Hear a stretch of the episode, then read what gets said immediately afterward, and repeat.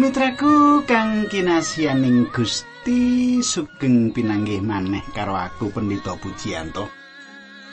Kepiye kabare panjenengan kabeh? Apa panjenengan diberkahi Gusti? Apik-apik kabeh?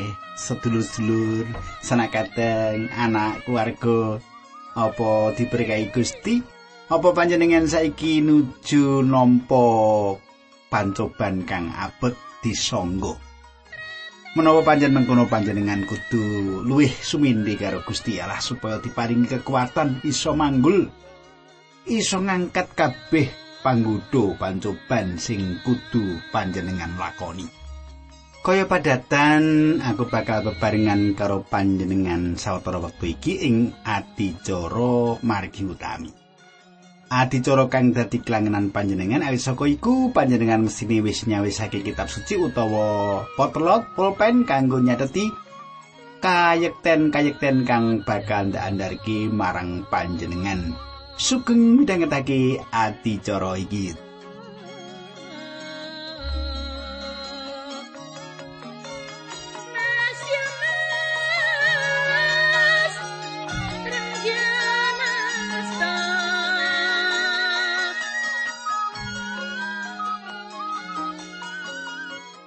Katangku, aku wis ngaturake perkara-perkara kang penting ana ing ati cara kepungkur apa panjenengan isi kelingan apa sing diaturake nalika pepanggihan kita kepungkur kae. Ati cara kepungkur wis kita sinau bab hukum utawa paugeran lan pila-pilae kurban sing kudu diaturake marang Gusti Allah. Kepriye isine giaran saiki ing patemon kita iki? Monggo to kita pidhangetake aku arep ngandharake kayekten-kayekten kang tinulis ana ing kitab suci kita iki. Nanging sadurunge kuwi aku ngaturake salam dhisik. Salam karo priyayi sing wis nglayangi aku ya kuwi Bapak Purwanto. Bapak Purwanto kados pundi pawartos peladosanipun kados pundi Pak Pur menika nggih kala wingi sampun SMS. saiki layangi rada dawa sithik iki nggih. Rupane ra iso ngarang apa piye? Nanging platusanipun saestu ngiram-iramaken Pak Purwanto tiyangipun supla. Wis tau dolan ing batu bareng nggih. Nah monggo kita ndedonga sesarengan.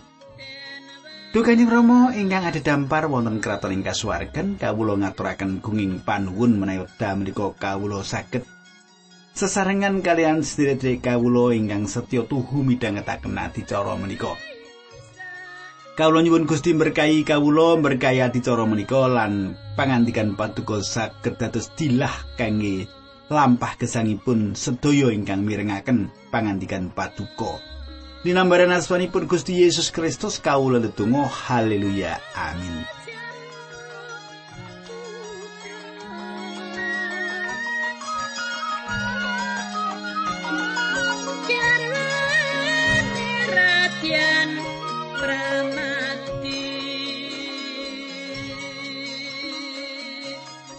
Katangku adicara ing dina iki arep ngegilut kitab wilangan pasale telung puluh.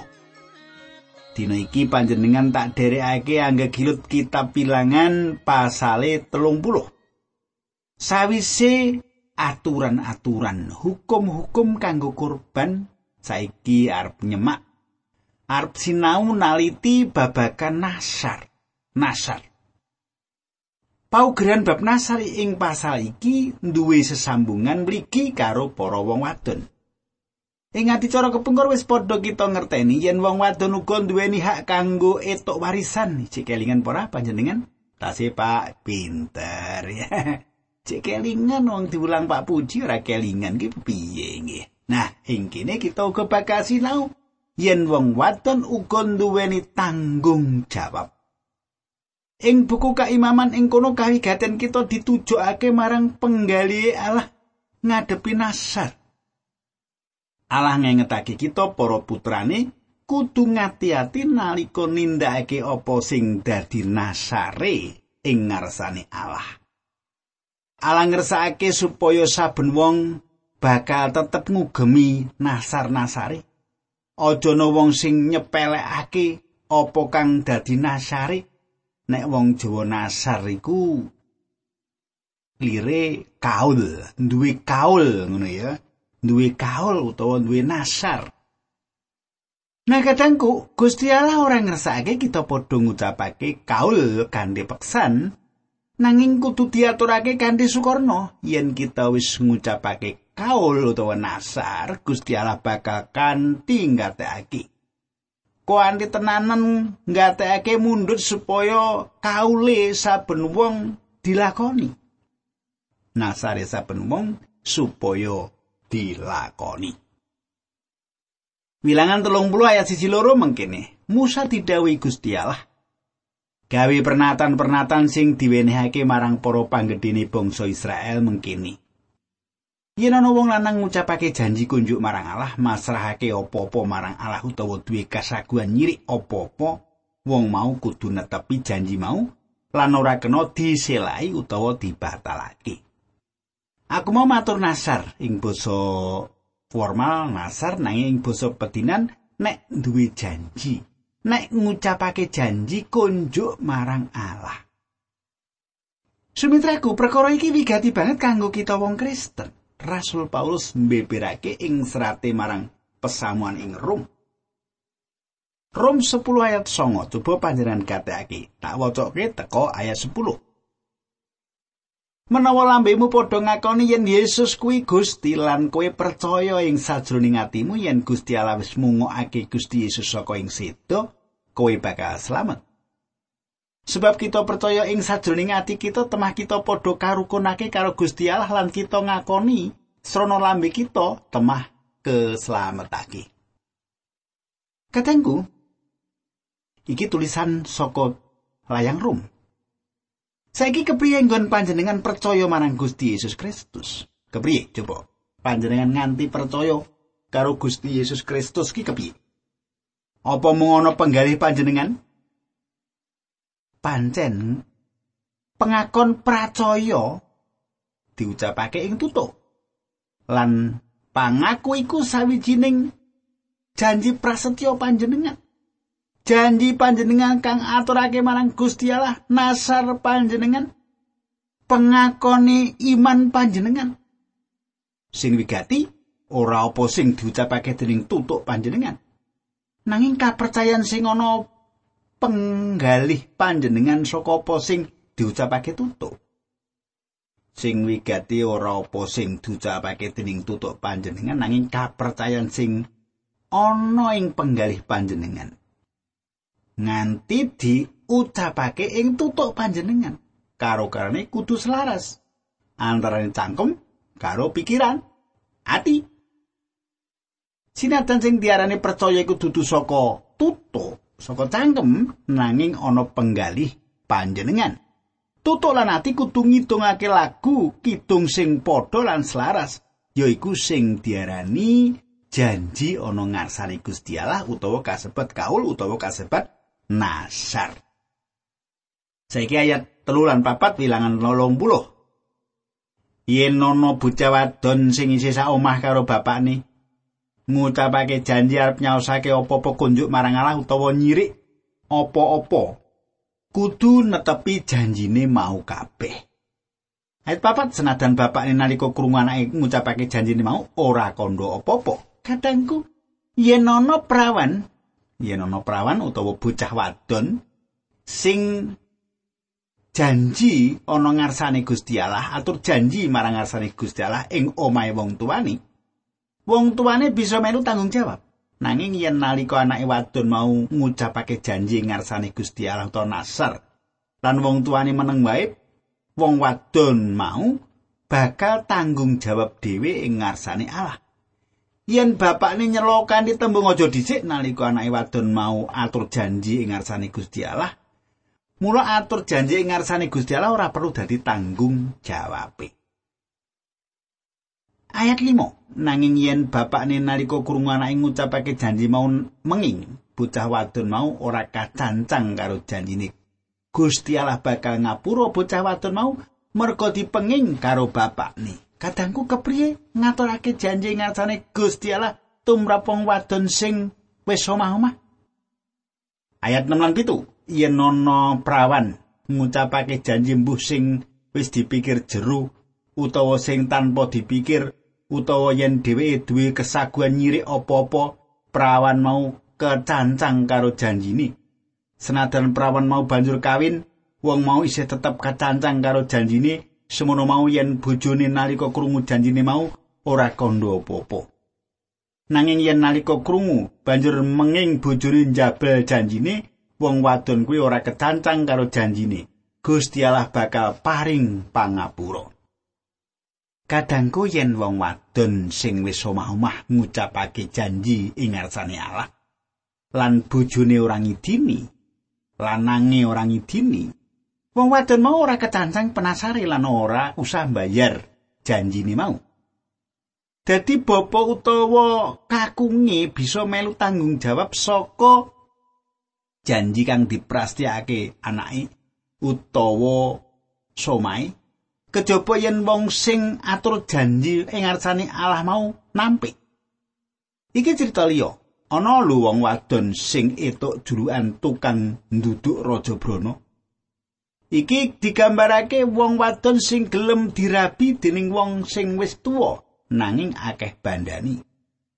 Dadi nggone gelem dirabi ku ora ada dasar tresno nanging mung ngalap donyane wae Ati-ati marang wong wadon sing ngene iki, jalaran ing tembe mburine bisa ngrugekake keluarga utawa lembaga sing kudune nampa warisane wong sugih mau. Panjenengan bisa golek contoh kedadian sing ngene iki. Kedadian sing nuduhake yen manungsa iki ringkih asring dikalahake dening nepsu lan kacublukane. Cubluk iku bodho. Saiki wilangan telung puluh ayat songo. Wong rondo utawa wong wadon sing wis pegatan yen ngucapake janji utawa saguh nyiri apa-apa kudu netepi apa sing dadi janjine lan apa sing arep disirik miturut janjine. Kadangku yen ana rondo sing wis suwe urip ijen atur janji marang ngarsane Allah sing diucapake kudu dibayar dewi. Janji iku kudu dibayar dewi Allah banget nggone nggatekake kagungane umate supaya apa sing diucapake iku ana mujute. Allah ngersakake kita dadi wong sing utama, wong sing tanggung jawab. Allah tansah netepi janji-janjine ing pangajab kita para kagungane iki uga terus netepi janji kang diprastiake marang Allah. Allah paring janji marang Bapak Abraham, uga paring janji marang Sang Prabu Daud. Allah tansah kukuh jangkepi janjine. Allah wis jangkepi janji-janji sing wis kelakon ing jaman kuno, uga janjine kanggo jaman iki lan jaman sing bakal teka. Coba panjenengan semak Yohanan 3 ayat 16 kang mangkene surasani. Awis saka gedhening sih katresnane Gusti Allah marang jagat nganti panjenengane ngurbanake putrane untang-anting supaya saben wong sing pracaya marang Sang Putra mau ora nemu karusaan nanging ngalamono urip langgeng. Mengkono pangandikane Gusti Allah. Iki janjine Allah kanggo panjenengan lan aku. Allah paring janji yen arep milu jengake kita, yen kita panjenengan lan aku pracaya marang putrane Allah, Gusti Yesus Kristus. Janji iki ora bakal batal utawa diselaki dening Allah. Allah tansah jangkepi janjine. Panjenengan isa inget sawijining cerita ngenani mbok rondo sing duwe anak kuliah ing kutha gedhe lan pinuju liburan ing kampungi. Anake mau kandha ngene, jiwane ibu iki ora ana tegese apa-apa ing tengah-tengah jagat raya iki. Mbok rondo mau krungu suarane anake meneng sawetara anak sing wis mahasiswa ngono kok duwe tembung sing kaya mangkono. Nuli ibu mau jawab. Simbok setuju banget yen jiwane simbok iki ora duwe teges apa-apa ing ngalam donya iki. Nanging yen nganti jiwa simbok iki ilang ala bakal kelangan luwih gedhe ketimbang kelangan jiwane biung Allah bakal kelangan kekuatan lan panguasane jalaran panjenengane sing nyipta ngalam donya saisine iku bakal nyelametake sapa wae sing percaya. Klebu simbok iki barang. Allah mesti bakal jangkepi janjine sing ditindakake dening Allah iku apa sing bener apa sing dikersakake. Lan wong-wong ing bumi sing dadi para wakili Allah iki kudune duweni kayekten kaya panjenengani. Apa sing diaturake janji marang Allah kudu dilakoni. Kita wong Kristen kudu tumindak kaya kersane Allah ing urip kita. Katanggu saiki kita ngancik ing wilangan pasal 31. Piye pasal iki? Ing pasal iki Bangsa Israel wis dadi keturunan anyar, keturunan sing padha lair ora samun. Sing padha lair ana ora samun. Ala lagi noto keturunan iki kanggo mlebu ing tanah perjanjian. Mesine panjenengan durung lali nalika wong Moab lan wong Midian padha nyewa Biliam kanggo ngipati-pati bangsa Israel. Lan bujuk Israel supaya padha nyembah brahala lan nindakake kawin campur ing kemah karo bangsa liya. Salah sijine wong wadon ing nglakon iki yaiku Gosbi wong wadon mediam.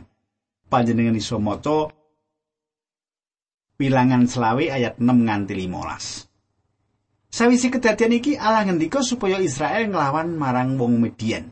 Bilangan selawe ayat pitulas. Wong Midian kuwi gempuren lan tumpesen.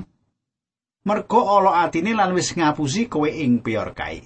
Kadangku Median sing papane ing ora samun iki lambangi urip duniawi utawa cara kejagatan. Saiki wilangan telu siji ayat siji nganti telu.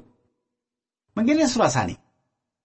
Gusti Allah ngendika marang Musa, Dawi, wong Midian walesen mergo penggawene marang bangsa Israel. Sawise kuwi kowe bakal tinggal donya. Musa banjur kondo karo wong Israel, padha siagao ing perang nglawan bangsa Midian tumpesen merga penggawene marang Allah. Kadangku Allah paring dawuh marang Musa supaya Musa numpes bangsa Midian. Allah kepareng marasake Israel marang Midian. Wilangan telung siji ayat 6. Musa nguntapake lakune para prajurit mau, senopatine Pinehas anak Imam Eliasar Pinihas kuwi tugase ngurusi barang-barang suci lan slompret-slompret sing dinggo aweh tondo nyasmitani umat.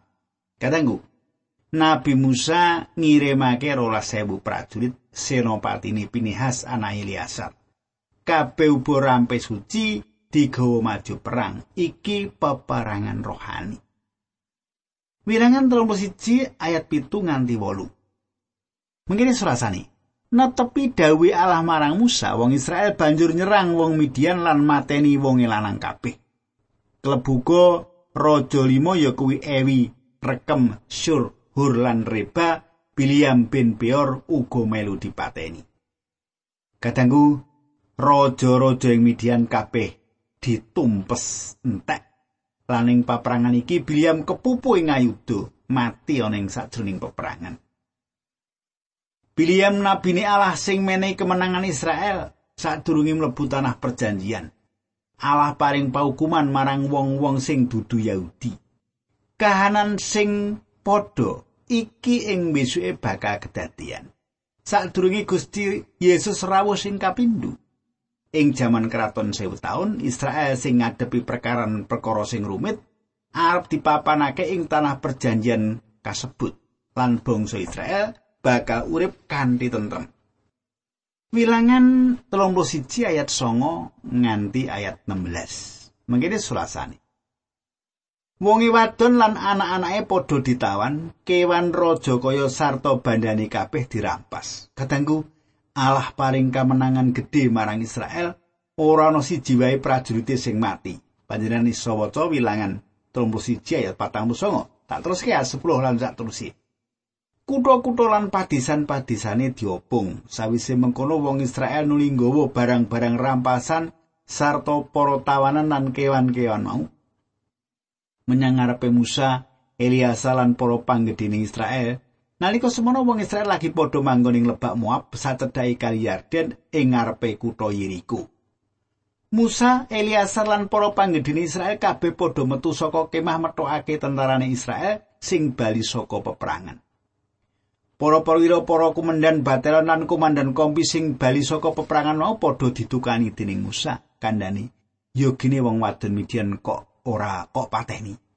Elingo, yen wong-wong kuwi sing padha nglakoni pirembuke Biliam padha mbujuk wong Israel supaya padha ninggal marang Allah lan kuwi sing marakake Gusti Allah nekake paukuman marang Israel.